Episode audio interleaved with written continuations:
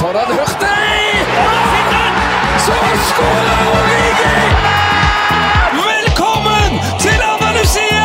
Gutten har blitt en mann! Det blir for mye rør! Det er bullshit. Det er goal! Det er goal igjen! Der var reprisen, sorry. Da er det hens. Hens, hens, hens. Alt er hens. Vi er kommet til slutten. TV2 sin VM-podkast. Vi trodde vi hadde sett alt, men det hadde vi ikke. Når finalen sto for tur, Frankrike-Argentina Wow, wow, wow. Istedenfor at eh, jeg sjøl eh, var helt utslitt etter å ha sett det fra sofakroken eh, hjemme i Norge. Men Ariles, du var på Lusail. Ta oss med på den reisen denne kampen var fra A til Å, fra børjan til slutt. Ja, jeg, jeg sitter, sitter på hotellrommet nå, kommer kom akkurat tilbake og, og fikk tima en bestilling på, på asiatisk takeaway på rommet her, så jeg sitter og restituerer som, en, som om jeg skulle spist selv og trøkker i meg litt fritert scampi og litt vårruller og, og litt pad thai og sånn, så, så det, er viktig, det, er viktig, å få, få i seg litt næring etter det der, og det er viktig å det, det trengs for å få hjernen sin rundt det vi har vært vitne til, for um, det var uh, historie, selvfølgelig, som ble skrevet i, i, i kveld. Og, og um, nå sitter og reflekterer litt. Uh, nå, nå, er det en måned siden jeg kom til Qatar. Jeg reiser hjem i, i morgen. Jeg har vært her under hele mesterskapet. Og det, og det, er surrealistisk å tenke på at for en måned siden så Litt under en måned siden så så, så, så jeg eh, Argentina tape mot Saudi-Arabia. og Mm. og Saudi-araberne løp rundt og ropte 'Where is Messi?' 'Where is Messi?' og og hadde gjemt han i lomma, og det var ikke måte på. Eh, og han så sliten ut, og det var på en måte det, Kanskje det ikke skulle bli hans VM likevel, og så Where is Messi? Nei, han var overalt. Da. Han er overalt, og han, han, eh, han var jo selvfølgelig den, eh, den, den finalen handlet om, men jeg, men jeg har lyst til å starte litt fra, fra starten, da, for å ta dette her litt uh, i, i, i i en uh, ordentlig rekkefølge. For det første som slår meg fra den finalen der, er det jeg vil kalle en sånn sjokkerende apatisk forestilling av de franske spillerne. Uh, I hvert fall 70 minutter. Eh, og jeg tror noe skurrer der. Da. Jeg tror det er noe som virkelig ikke er, var som det skal. jeg leste så vidt et sitat av, av Deschamps etter kampen som sa at ja, de hadde slitt med dette viruset, for det har vært et virus i den franske troppen som har rammet uh, bl.a. Varan, Upamecano, eh, Konaté osv. Men han sa også at de har hatt litt problemer eh, kollektivt og sånn, og, og, der tror jeg det ligger for, altså, jeg, jeg, vet ikke med deg, men, men, hvis vi begynner der, da, jeg klarer ikke å se noen forklaring altså, jeg, jeg, jeg, skjønner ikke hva det var. altså de spiller en VM-finale. Det er en nasjon som har så mye erfaring, så mange spillere med så mye erfaring på det nivået, og så leverer de bare til stryk. Altså, de verste Ja, var jo altså- ja. Nei, det, det var helt ufattelig svakt. Det så ut som et lag både altså individuelt, men òg kollektivt taktisk. Måten de åpnet det rommet som Messi elsker, eh, som Messi trives i, fordi at Mbappé ikke hjalp til Hernandez i gang på gang på gang. Altså, det var, det var en prestasjon som var så pill råtten at du tenkte at Akkurat som du sier, her er det et eller annet som ikke stemmer. For dette skal ikke være mulig å prestere så svakt eh, som det de gjorde. Ja, nei, og, og, og du kan jo bare plukke i stykker de, de individuelle prestasjonene. Altså, eh, vi kan begynne med Theo Hernandez, da, som ser ut til å være, være vettskremt og fullstendig altså, ikke i stand til å håndtere anledningen i det hele tatt. Det er flere anledninger hvor han bommer på mottak og lar ballen gå utover eh, innkast. Han mister ballen, roter seg inn i farlige situasjoner. Feilkast hadde han til og med i starten av andre omgang. Det var, det var en sånn marerittprestasjon som jeg knapt har sett uh, maken til på det, det nivået. Osman Dembélé det var en eh, kamp som ikke hører hjemme noe sted, og i hvert fall ikke i en VM-finale. Eh, han er jo vanligvis en teknisk briljant spiller, men der var det, der var det alle førstetouchene hans gikk rett til motstander, og han var langt, langt unna defensivt. Um, og, bare, og det, var, det var på høy tid at han ble bytta ut da han gjorde etter 40 minutter. Uh, Giroud løper i sånne håpløse høye press alene eh, uten at det er koordinert med resten av lagkameratene og helt isolert og, og byttes ut er forbanna for det, men, men og, og for han så er det vanskelig å gjøre så mye når kollektivet ikke funker. men Antoine Griezmann, som har levert et helt fabelaktig VM, men, men, eh, men, det er liksom tre på børsen da, i den, i den mm. finalen. her. Ja, maks tre på børsen. Altså, en så utrolig svak prestasjon av han også. så og, og, og, og, Hadde det ikke skjedd det som hadde skjedd, så hadde jeg sagt det samme om Mbappé òg. Men, men, det skulle jo skje, skje, ting etter hvert i denne finalen. Um, men, men, det bare det forundrer meg dypt. Fordi det, det, der er ikke noe vi har vært vant til å se. Og, jeg tror ikke jeg tror ikke det der bare var en sånn ja, det, det, så, det, så, veldig ullent ut, da. Så, så jeg, jeg, ja, jeg, jeg, skrev det på, på Twitter at uh, jeg vet ikke hva viruset har gått i den franske troppen, men det håper at jeg aldri får. For det at de så De lignet overhodet ikke seg sjøl. Jeg lurte ja. på hva eh, Og så er det der å gjøre bytte etter 40 minutter i en VM-finale, altså bytte to bytter før pausen, er jo egentlig helt uhørt. Men samtidig satt jo sikkert alle på tribunen og bare nikket i forståelse, for her måtte det jo tas grep.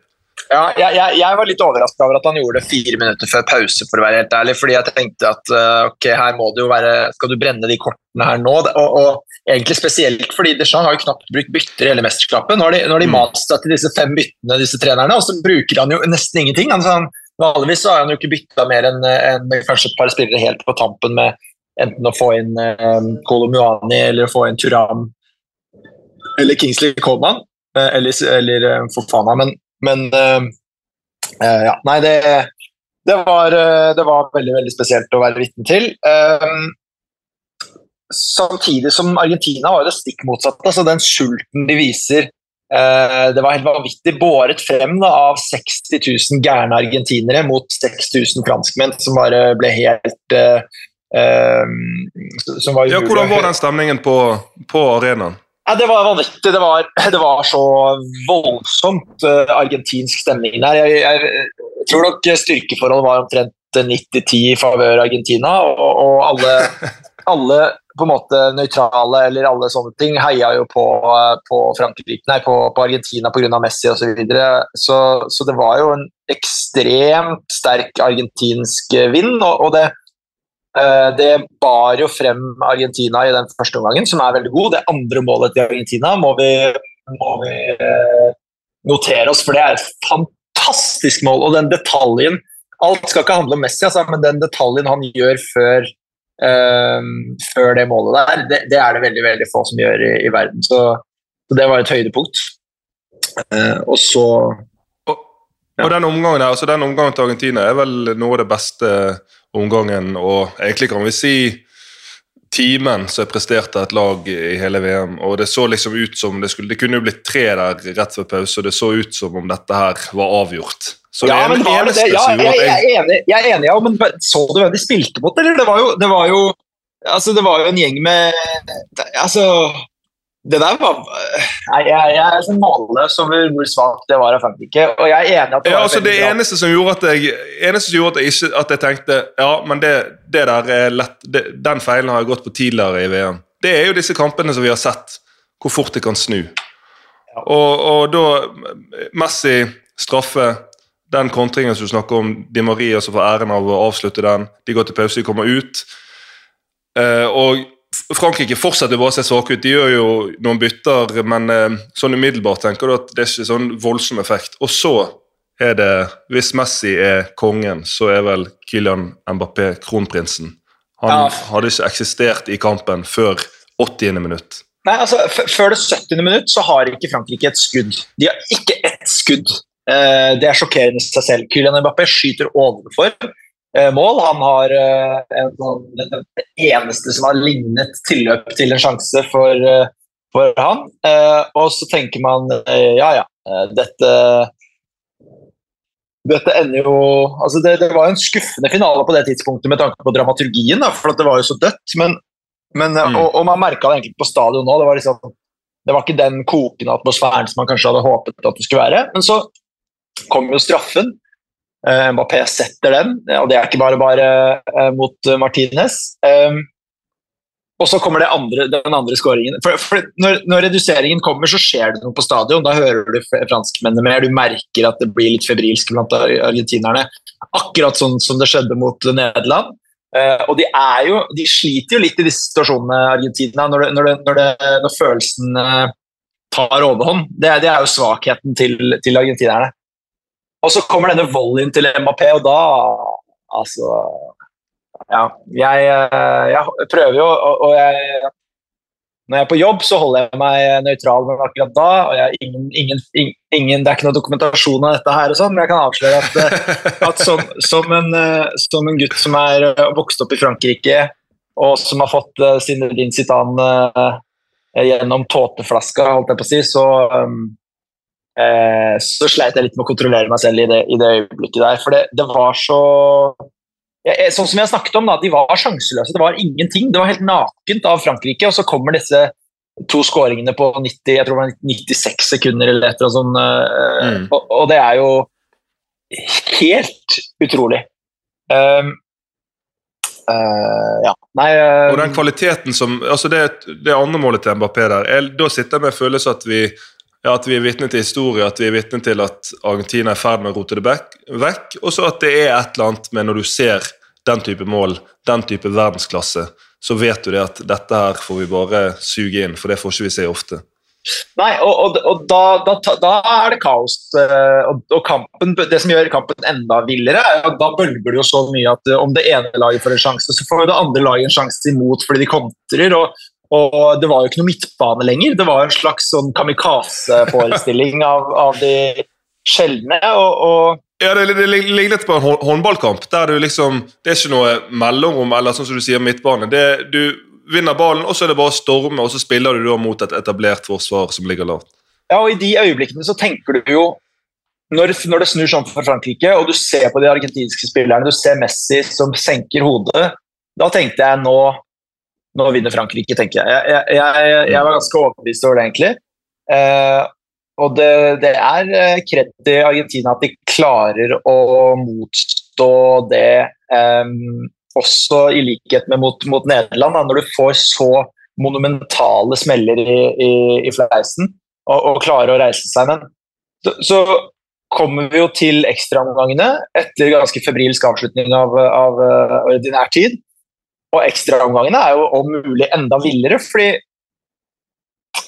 det er noen høydepunkter der. Upamecano sin eh, takling eh, på tampen av ja, første omgang der er jo årets takling i internasjonal fotball. Den, er, jo, den er jo verdt en scoring alene. Eh, og så er det jo Og så er det jo vanvittig Altså, det er jo sjansebonanza. Ja, det er, det er sjansebonanza, og, og Martinez som kommer inn der og som sta, Han starta jo mesterskapet på topp. Uh, og han fikk jo alle disse, han fikk vel tre skåringer annullert for offside mot uh, Saudi-Arabia. Og så kommer han inn og bommer og bommer og bommer. Jeg, tenkte, jeg, jeg, tenkte, begynte å tenke på Lukaku sitt innhopp mot uh, Kroatia. For det var jo mm. altså, Han bare nekta å, å skåre. Det var, det var et av, av høydepunktene i de ekstraomgangene. Så er det selvfølgelig skåringen til Messi, hvor jeg er helt sikker på at eh, det er offside på Martinez, eh, og så er det ikke det. Eh, så det er ganske sånn spesiell dramaturgi der òg, fordi feiringen er litt sånn halvveis først, og så tar det av, og så er de usikre. Ja, hvem er, hvem er i, i, disse ekstraomgangene, hvem er du har rundt deg? Hvem er det som er, hvem er du, Hvordan reagerer folk? Er det, er det argentinsk reporter? Er det franske?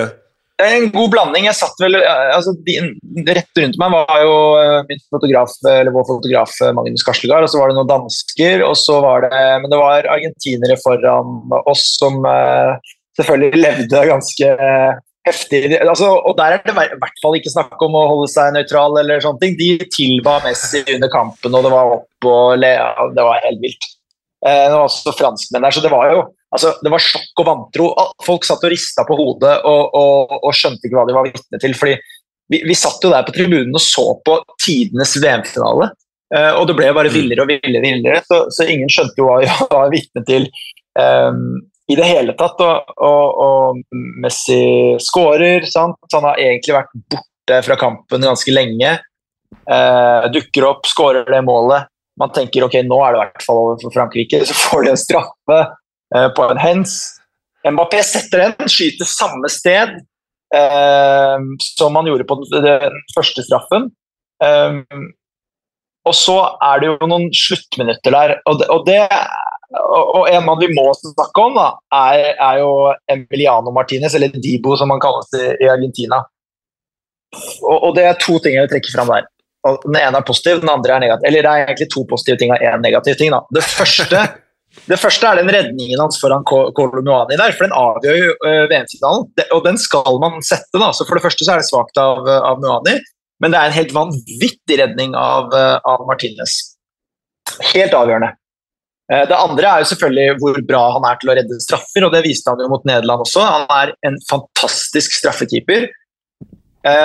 Men og, og det her er sånn, det, Du kan elske det, du kan hate det osv., men jeg mener at det er noe grunnleggende feil med eh, reglene i fotball. Da. Hvis det er lov som keeper foran nesa på dommeren å gå og plukke opp ballen, som er som Chouameni i dette tilfellet her, da, på, på den, det var vel mm. tredje straffen, tror jeg. Han redder jo den andre, og så går han og plukker opp ballen. Eh, og holder den, og dommeren sier hei, slutt og bla, bla. Og han går seg en liten tur med den veldig lenge, eh, og Chouameni må stå og vente på å få ballen, og dommeren sier kom igjen, kom igjen, kom igjen. Og så kaster han til og med ballen bort. Uh, mm. Sånn at Chouameni eller dommeren, jeg husker ikke hvem det var, må gå og hente den ballen. Og på det tidspunktet så tenker jeg hvor, hvor er kortet da? Altså, på, her har han fortsatt ikke fått gult kort. Han får, får heller ikke gult kort for dette her. For Chouameni bommer på straffen, og jeg mener at det, da er det noe feil. Altså, det, kan, det kan ikke være ja, da, da, lønner det seg å være usportslig. Altså, da, hvis han, når han ikke får gult der, ja. Chouameni som må ut av sine forberedelser og gå og hente ballen, da lønner det seg rett og slett. Dette er jo når, når reglene blir satt sånn og sanksjonene ikke blir eh, satt inn her, så må jo alle keepere i verden se dette og tenke ok, da skal jeg Martinez, han må jo vi lære noe av å kopiere, for dette er jo tydeligvis lov. Ja, helt, helt riktig. Og og, um, og jeg mener, altså, og gult kort er jo en mild straff, og, og, jeg kommer tilbake til det senere. men altså, Utgangspunktet var det at du tar ballen. Det burde jo være ulovlig. Det burde være helt ulovlig for en mm. keeper å ta ballen når en annen skal skyte straffa. Han har jo ikke rett til å røre den ballen, han. Så det i seg selv burde jo vært et gult kort. Og så burde det vært et gult kort for å kaste bort ballen når du har holdt på den i ti sekunder. Um, så, så, så, jeg mener at det er en fair Og dette er ikke på en måte Jeg har dette er ikke med franske briller, håper jeg, da. Det Kan, jeg, jeg, vet ikke, men jeg, jeg, Dette var i hvert fall det jeg tenkte i øyeblikket. Men, men, jeg mener at det går an å argumentere for at han burde vært utvist eh, på det tidspunktet. Eh, og så eh, er det vel den fjerde straffen er det eh, Hvem er det som skyter denne? Uh, fjerde straffen, det er Er det Chuameni bommer, Paredes skårer, Colomani ja. skårer, og så er det Montiello som avgjør det. Ja, så det er Muani som skyter det fjerde. Ja, det, så han setter det jo men, men, før det så får han jo faktisk det gule kortet, for han går jo og tar, tar ballen. Eh, og, og, han driver jo og danser og holder på og sånne ting. Og det, og det er veldig underholdende. Det er et show, og, og på en del av den her, jeg liker det, men, men, det at det tar så lang tid før du får et gult kort, da, og, og, og usportslig opptreden, er jo synonymt med gult kort. Det, det sier jo regelboka. At ikke det kommer mye, mye, mye tidligere, at man ikke slår ned på det der. Når man vet som dommer at han pleier å gjøre dette her osv., og, så videre, og hvor forstyrrende det kan være i en sånn situasjon, det syns jeg er veldig spesielt. fordi uh, Det er veldig mange andre situasjoner hvor man ikke hadde akseptert noe i nærheten uh, av det der. Altså, mm. Vanligvis så er det jo Hvis du sparker bort ballen som spiller, så er det gult kort. Uh, men tydeligvis ikke i det tilfellet der. da. Så det, det vet jeg meg merke i. Det, det, det, skal ikke stjele hele showet her, men jeg må, hadde bare behov for å si det, for jeg satt og, og forsto veldig lite av akkurat det. Uh, og så er det jo jubelscenen. Altså, og, nei, altså, En ting til jeg vil nevne. Altså, Ugo Joris er jo en elendig uh, straffekeeper. helt elendig. Helt, her, helt elendig. Her fikk vi se den internasjonale si han, han, han, har hatt et fantastisk godt mesterskap, men på straffer i straffekonk her i dag det var tynt, altså. Ja, tynt viser Der er det for lite personlighet, for lite størrelse, mm. for lite presence, for lite mind games, eh, for lite Men også bare uh, for svakt, rett og slett. Null altså, frykt nytene. Ja, Null frykt i nytene. Han, klarer ikke å skape en, en sånn uh, eh, ja, en skummel setting for, for, spissen som skal, eller for spilleren som skal, skal skyte straffe. Så, og, han burde ta to av straffene òg. Han, han, er nærme der, men det er noe litt sånn halvhjerta over det. Så skuffet over Joris, men sånn er det. Det er på en måte en kjent sak. Han tapte uh, på straffekonk mot uh, Sveits i fjor òg, i EM. Så, så uh, det er uh, i, i, en ellers god kamp, da, syns jeg, av så, så, jeg skal ikke klandre han for mye. Det er ikke sånn at man kan klandre keeperen nødvendigvis altfor mye, sånn sett, men, men, men, det var klasseforskjell på keeperne når det kom til straffekonken. Uh, og så er det jubelscenen, og, det, og det, da tar det jo helt av der. og Det, det er jo som å være i Buenos Aires. Og, og Messi går rett ned på kne i midtsirkelen. Noen oppfatter det og, legger, og, og, omfavner han, mens noen allerede er på vei mot uh, Martinez osv. Så, videre, så de fikk delt litt på øyeblikket der sammen med lagkameratene. Uh, Messi var også veldig opptatt av å få ned familien sin på banen. og sånn. Han sleit med å få dem ned og hadde åpenbart veldig lyst til å dele det øyeblikket med dem. Det er et veldig fint øyeblikk blant annet, hvor moren hans kommer og, og overfaller han bakfra, nærmest. og Det, det ser veldig flott Det er veldig, veldig rørende bilder. så det var um, ja, det var en sånn følelse av å være vitne til noe historisk. Da. Når, når vi er inne på Messi, så er det sånn eh, Hans karriere har jo mangla to ting, egentlig. da. Det, og, og, det er bare to ting. For alt annet har han hatt. Han, han, har vunnet Copa America, han har vunnet Champions League, han har vunnet La Liga, han har vunnet den franske ligaen. Han, mm. har, han, han, har vel vunnet Champions League fire ganger, om jeg ikke tar feil. 2006, 2009, mm. 11 og 15. Eh, han har vunnet Ballon d'Or syv ganger. Um, og, og statsen hans er bare utenomjordiske. Vi har aldri sett uh, noe lignende. Men han mangla to ting. og Den ene er en emosjonell ting, og den andre er en konkret, uh, et resultat. Og Den emosjonelle tingen var å, uh, å knytte et bånd til argentinske folk Eh, et sterkt bånd til argentinske folk. Selvfølgelig har det alltid vært et bånd der, men nå snakker jeg om et bånd på, på, linje med Maradona sitt bånd til det argentinske folket. Uh, og Det har jo vært to grunner til at han ikke har hatt det i så stor grad før nå de siste årene. Det er jo én at han ikke har prestert like bra på det argentinske landslaget som i Barcelona.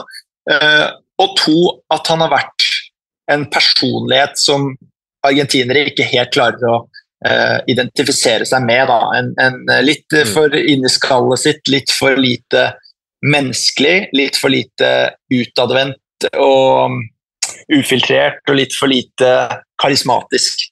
Uh, så det å bygge, skape det båndet til argentinske folk, det har, det, den jobben starta jo egentlig etter at han kom tilbake fra, fra og har lagt opp på landslaget, som han faktisk gjorde etter 2018-VM. Lionel Scaroni kommer inn, og vi får se egentlig fra 2019 en Messi som eh, han, han, beskyldte jo eh, Connerball for korrupsjon.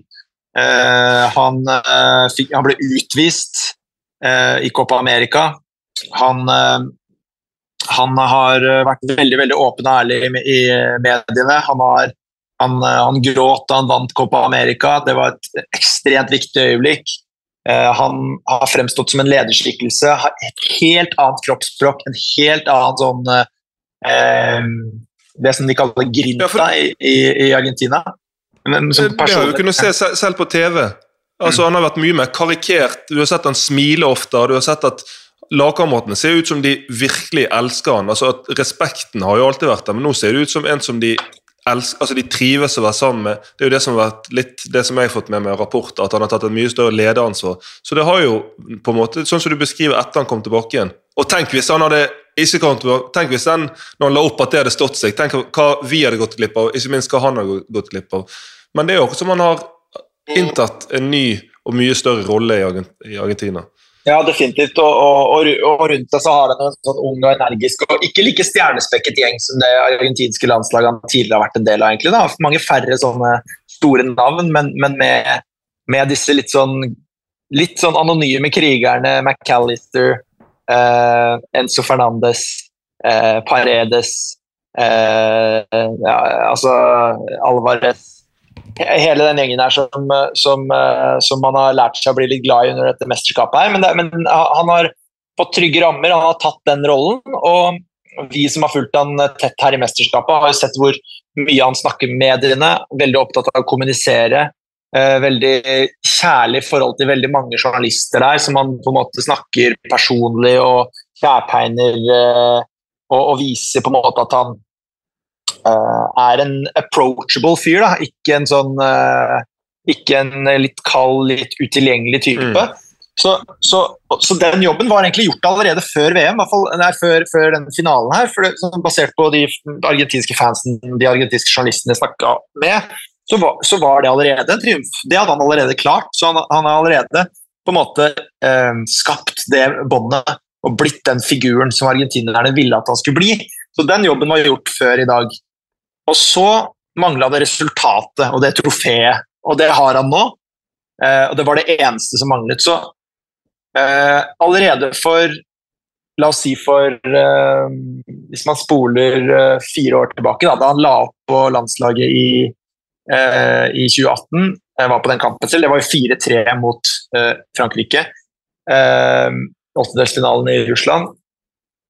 allerede da var det jo veldig gode argumenter for å, for å anse han som tidenes beste fotballspiller. Altså Allerede da så hadde du eh, oddsen på din side på en hvis du skulle ha en objektiv debatt med noen om hvem som er eh, tidenes beste fotballspiller, så, så, så hadde du det. Men nå er jo på en måte alle argumentene Og det er synd, det er sikkert noen Cristiano Ronaldo-fanatikere som hører på. Jeg merker på Twitter hvis jeg skriver om enten Messi eller Ronaldo at uh, det dukker det, det, uh, på en måte all, eh, all eh, rasjonell, rasjonell, tenking kastes ut av vinduet med en gang eh, noen av disse fansene kobles på. Men, men det er vanskelig å argumentere nå, altså, og, og, den karrieren han har hatt. Vi må bare, vi må bare understreke det, for, for nå, nå, kommer han sannsynligvis til å bli kåret til verdens beste spiller igjen, da, med tanke på at han har levert sitt beste VM i, i karrieren. Eh, han har vært helt fabelaktig. Ti målpoeng i mesterskapet. Syv mål, tre assist. He, første spilleren noensinne som skårer både i gruppespillet i åttedelsfinale, kvartfinale, semifinale og finale. Eh, dominerte mesterskapet som enkeltspiller på en måte som vi eh, Jeg tror ikke vi har sett det på denne siden av 2000-tallet. Kanskje Zidane i 2006, men da var han var dårlig i gruppespillet. Så, så mm. allerede der går det an å i hvert fall argumentere for at Messi har vært mer stabil. Så, og, og, dessuten så vant jo ikke Zidane til slutt. Så så, så, det skal mye til, tror jeg, at han ikke vinner Ballon d'Or til våren. Da men da er vi inne på noe som For det var jo et eh, narrativ før kampen med Frankrike mot Argentina, ja, men Messi mot Mbappé. Og nå når eh, begge to i en hvilken som helst annen finale, i en hvilken som helst annen fotballkamp om det ikke hadde vært for hverandre, ville vært banens eh, altså stått igjen som den store, store helten. Så er jo det et narrativ. Du, snakker, du nevner eh, Ballon d'Or der, disse kåringene. Disse her to skal jo snart, om bare noen få dager, møtes igjen i PSG. Og da vil jo det ligge litt sånn, en litt sånn merkelig greie, en litt sånn merkelig dynamikk. Mbappé som jo er den store satsingen til, til hele dette PSG-prosjektet, men en Messi nå som faktisk i VM, men òg for PSG i høst, har sett helt eh, sylskarp ut. Så det blir sånn hvordan blir dette her når de kommer hjem til Paris? Ja, Det, det blir veldig fascinerende å følge. Altså, det skal jo også kontraktsforhandlinger uh, i gang med Messi, for han er jo på utgående kontrakt. PSG uh, har sagt at de ønsker å, forlenge han og, se om de klarer å, holde han der et år eller to til før han drar til Miami eller eventuelt tilbake til Barcelona. eller noe sånt. Så så det, det, vil jo, han, stiller jo med noen kort på hånda her nå, han også. ikke sant? Så igjen så havner PSG i den situasjonen at de er desperate etter å bare um, oppfylle et hvilket som helst ønske for en spiller for å få han til å bli. Akkurat sånn som de gjorde med Mbappé eh, i sommer. Um, det, det, det er, den, er, den, er, litt spesiell, den casen der, fordi Messi altså Mbappé ble jo gullkalven i Eh, PSG i sommer da han forlenga kontrakten og fikk denne som Mange hevder at det er mer enn bare Men for det første er han tidenes beste betalte fotballspiller, og så er det mange som mener at han har fått en form for sportslig makt. En av kompisene hans har blitt kommunikasjonssjef i PSG. Han fikk henta inn Luis Campos som sportsdirektør, som, som, han hadde et nært forhold til i Monaco osv. Så, videre. så han har jo åpenbart eh, mye innflytelse i klubben. Men det vi fikk se på banen under Galtier i høst, var jo egentlig en Mbappé i en ganske mye mer begrenset rolle enn, det det var under Pochettino. fordi plutselig så, så, så har jo på en måte styrkeforholdet endret seg litt på banen. Uh, Mbappé var under Pochettino den som fikk nesten mest frihet. Nå er han den som får minst frihet, som pushes inn i en rolle som han i hvert fall Til tider da, så har han vært en, en slags nesten sånn uh, ikke, Jeg skal ikke si oppspillspunkt. Uh, han har i hvert fall kalt det det, da, da mm. av i, i, i, irritasjon, for han mener at det er feil bruk av han, men han, han, har i hvert fall vært et slags sånn bindeledd i det angrepet, da, som han egentlig ikke liker så godt. Så så han har jo måttet tilpasse seg, Uh, og det som blir spennende å se nå, er i hvor stor grad han er villig til å gjøre det, og hvor lenge han er villig til å gjøre det. Og med tanke på Mbappés ego, Mbappés uh, karakter, Mbappés uh, væremåte og utålmodighet, så er, jeg, så, så er, jeg, sikker på at det kommer til å bli en veldig, veldig hard nøtt for uh, Galtier å, å knekke. Og det blir jo vanvittig fascinerende å følge PSG til våren. For nå har jo Galtier fått en slags rolig høst hvor, hvor det går sin gang, og alt uh, virker å være fryd og gammen sånn som det alltid er i PSG på høsten. Og så kommer jo våren, og den kommer jo fort, fordi allerede i, i, i februar så er det Bayern München i to oppgjør i Champions League. Så det, det er jo det er, det er, egentlig sykt å tenke på at ja, nå er det jo er det snart boxing day-fotball i Premier League. da.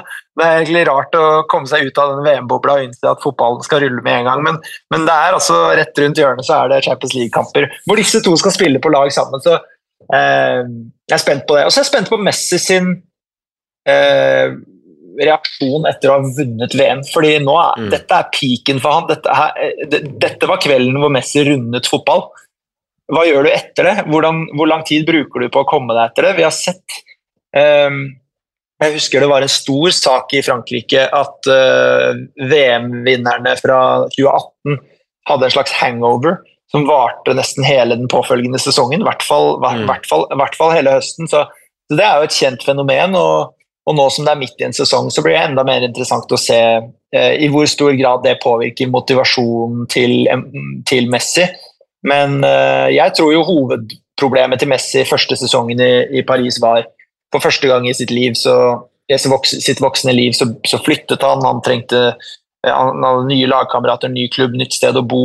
Eh, og han har innrømmet at han, at han følte seg litt lost. og så også når det kom på plass etter en sesong og så, videre, så har han jo vært helt strålende i PSG. Så um, ja, han blir nok bra, men, men, det blir interessant å følge.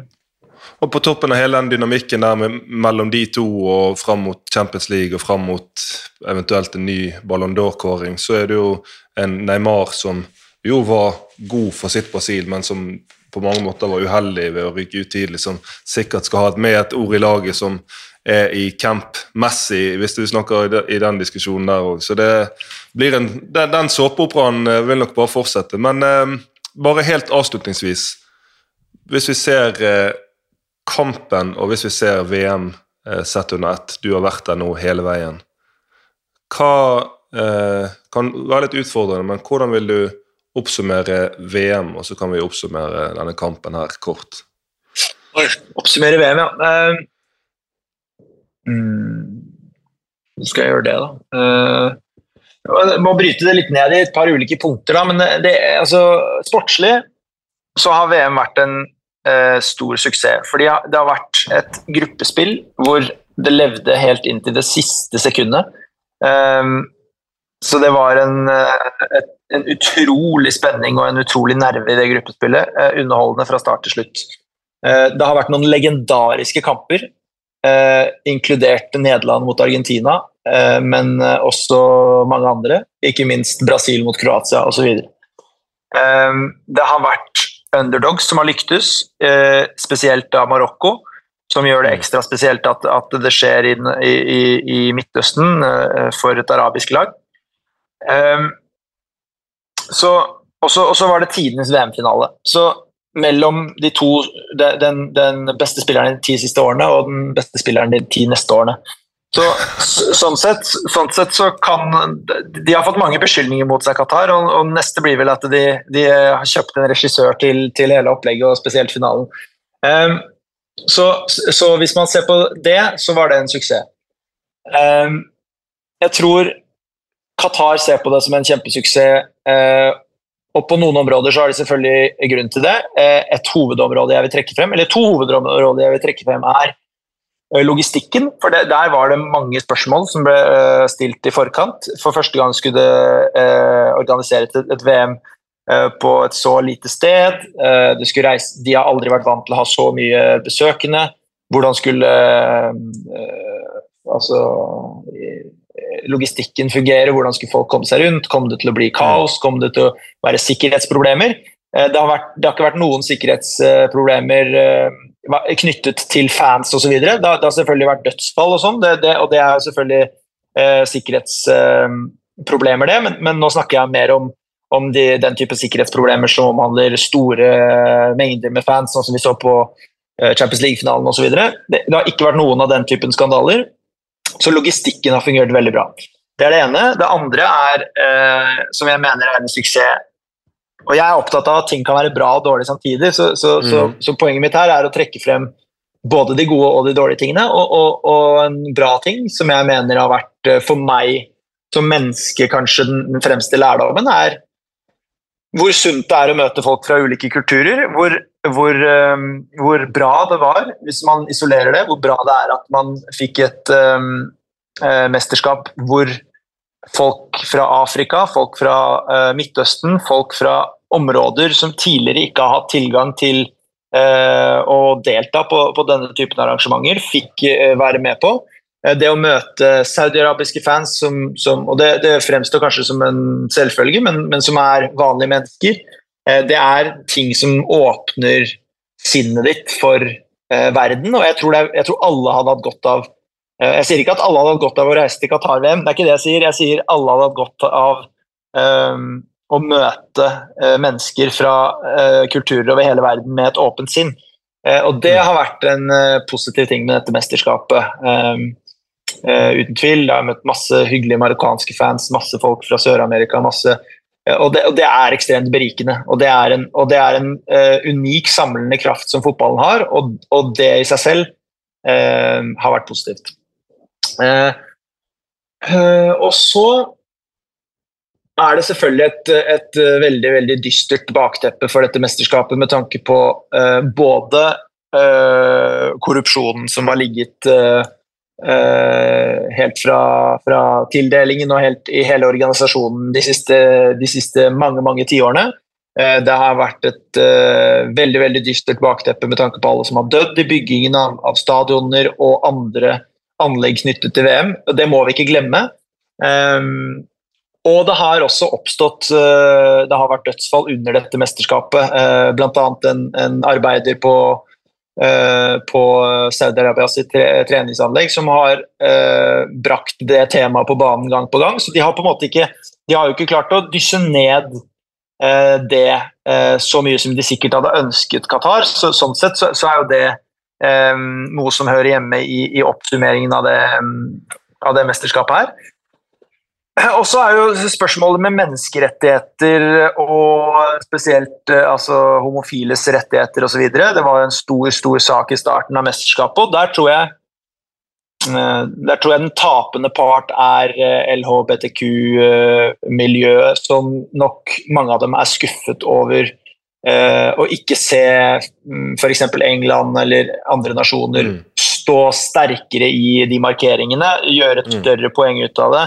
Eh, stå hele distansen, fordi vi så mange nasjoner rett og slett bukke under for um, uh, Det ble nærmest en sånn fryktgreie fordi Tyskland tapte sin første kamp etter at de, de markerte. Så ble det en sånn no, noe ingen hadde lyst til å røre, og man merket det på uttalelsene til spillerne hvordan de booket de, de, de, på en måte ble mindre og mindre opptatt av å snakke om politikk. Jeg, jeg snakket jo selv med Ugo Joris, som var en del av og profilerte seg selv i kampanjen eh, til One Love. For så å sitte og si, når jeg spør han om, om, eh, om ikke de burde gjøre det likevel osv., så, videre, så sier han nei, jeg vil konsentrere meg om fotball, og vi velger å bare konsentrere oss om fotball og osv. Så, videre. så det, blir jo litt, det blir jo litt hyklersk. da, Så jeg tror en del av de, de situasjonene vil stå igjen som en jeg tror mesterskapet som helhet vil stå igjen som en skuffelse for Eh, det skeive miljøet eh, kanskje spesielt, som, som mm. virkelig ikke kom eh, til rette eh, under dette mesterskapet. Og, og, bare for å nevne det, da, reaksjonene fra Qatar, fra, fra måte eh, stemmer her i Qatar, mediene i Qatar osv., har jo vært å latterliggjøre eh, markeringene, latterliggjøre det fordi man tapte kamper eller den type ting. og mm og på en måte fordømme det som en slags sånn vestlig moralisme. Så, så, så, så, jeg vil jo kanskje oppsummere dem som øh, de som har, uh, blant de som har veldig stor grunn til å være skuffet over, øh, over hvordan dette utspilte seg. Så jeg vet ikke om det var en, en grei oppsummering. det, det, det litt jeg, Nei, jeg syns det, det, er ting som trekker i forskjellige retninger. Og så syns jeg at det som oppsummerer alt det du sier, på en veldig billedlig måte For at du snakker om Først, altså, først nevner du det sportslige. Og etter mitt syn, hva i min levetid så er dette, og da snakker jeg rent sportslig, det eh, feteste VM ever. Men Og så er det eh, nå er det med fasit, to streker under fasit, Messi den beste spilleren ever. Men så blir det veldig sånn billedlig da når han skal opp for å løfte trofeet. Du snakker om bakteppet. Han får et slags teppe som en del av Qatars kultur for å vise respekt, eller sånn skjortelkappe trett over skuldrene. Han ser litt ukomfortabel ut veldig få av internasjonale publikum kanskje kjenner betydningen til den kappen, og det kommer med på dette bildet. Og det blir liksom en sånn føler jeg billedgjøring om at det er fortsatt et bakteppe selv i denne euforien, og kampen er ikke over. Verken når det kommer til menneskerettigheter, homofiles rettigheter, arbeideres rettigheter. Det er snakk om et VM i Saudi-Arabia i 2030. Og så eh, Dette er jo siste ordinære TV 2 sin VM-podkast, men vi har en epilog i morgen med Mina Finstadberg eh, for, å, for, å, kanskje oppsummere litt, eller tenke neste. Eh, tenke hvor går kampen for disse tingene videre i, i fotballen. Det har ikke jeg svaret på, men jeg, eh, jeg, gleder meg til å høre fra hun om hun, hennes tanker om det. Um, og så er jeg veldig glad for ja, bare, at du har bare for, legge, ja. bare for å legge til det her, da, så, så tenker jeg at det det, som, det jeg ville avslutte med, er jo egentlig at eh, hvis vi skal prøve å oppsummere VM nå, så, så, blir jo det egentlig altså Når vi snakker i disse store trekkene, vi kan jo snakke om sporten og, og det som skjedde osv., men, men VM, effekten av VM eh, vil, jo, vil, vi jo ikke se på lenge. Og, og det handler jo om Kommer Qatar til å eh, faktisk eh, fortsette i det sporet som de på papiret har Eh, vært på når det kommer til reformer knyttet til eh, rettighetene til, til migrantarbeidere og, og, mange andre områder. Eh, kommer Fifa til å fortsette med dette? Og ikke minst, kommer, og her må vi være vårt ansvar bevisst, kommer vi til å slukke mm. lyset og, mm. og vende blikket mot neste fotballkamp nå, eller, eller kommer, det, kommer, det, til å være journalister verden over som fortsetter å belyse disse tingene, fortsetter å legge press på myndigheter og på organisasjoner og på nasjoner og på, og, og på Fifa osv.? Eh, så, så, den fasiten kommer jo til å se de neste årene. og, og det er viktig å understreke, fordi, fordi hvis man skal rettferdiggjøre eh, den holdningen man har til, eh, til, til å måten man skulle dekke dette mesterskapet på osv., så, videre, så så forplikter det i form av at man må faktisk uh, walk the walk også, og, og, og, gjennomføre det og fullføre det, og ikke bare at, for, for, ellers så blir det bare symbol, Altså, ellers så blir det bare symbolpolitikk og symbolhandlinger. og, og Det er det som kommer til å bli spennende å se, se de neste årene. Altså, så, å oppsummere VM som, sånn, eh, fra et uh, makroperspektiv, det er helt umulig nå. Men, men mm. sportslig så, så, ja, så, så, var det, så var det en suksess. Det var det. Og det var i hvert fall Det er veldig mange Vi, blir strukket i forskjellige retninger, men det som vi i hvert fall vet, er at det har vært en glede å ha deg med. Du har vært med i flere episoder. RLS. Det var stort å få høre noen franske gloser fra stadion når du sto midt der i sonen. Nå fikk vi det med fra hotellet. Du har, du har, fått tid til å lande litt etter det som er tidenes VM-finale. Og til dere som har hørt på hele veien underveis i VM. Det har vært en glede å få lov også å være hosten. Uh, har vært, uh, det har vært en glede å lære mye. Jeg har lært utrolig mye gjennom dette VM, mer enn noe annet VM. Jeg har lært om ting i og rundt fremmede kulturer som jeg ikke visste om fra før.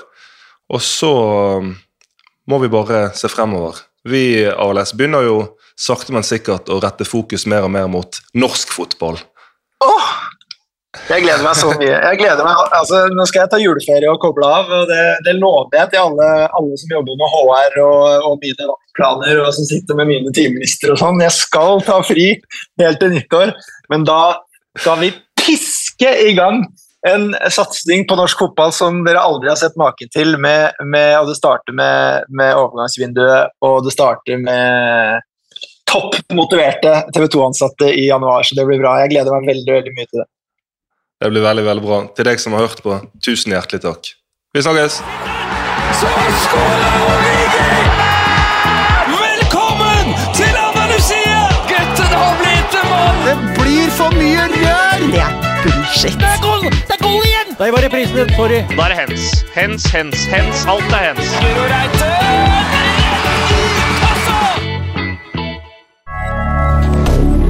Moderne media.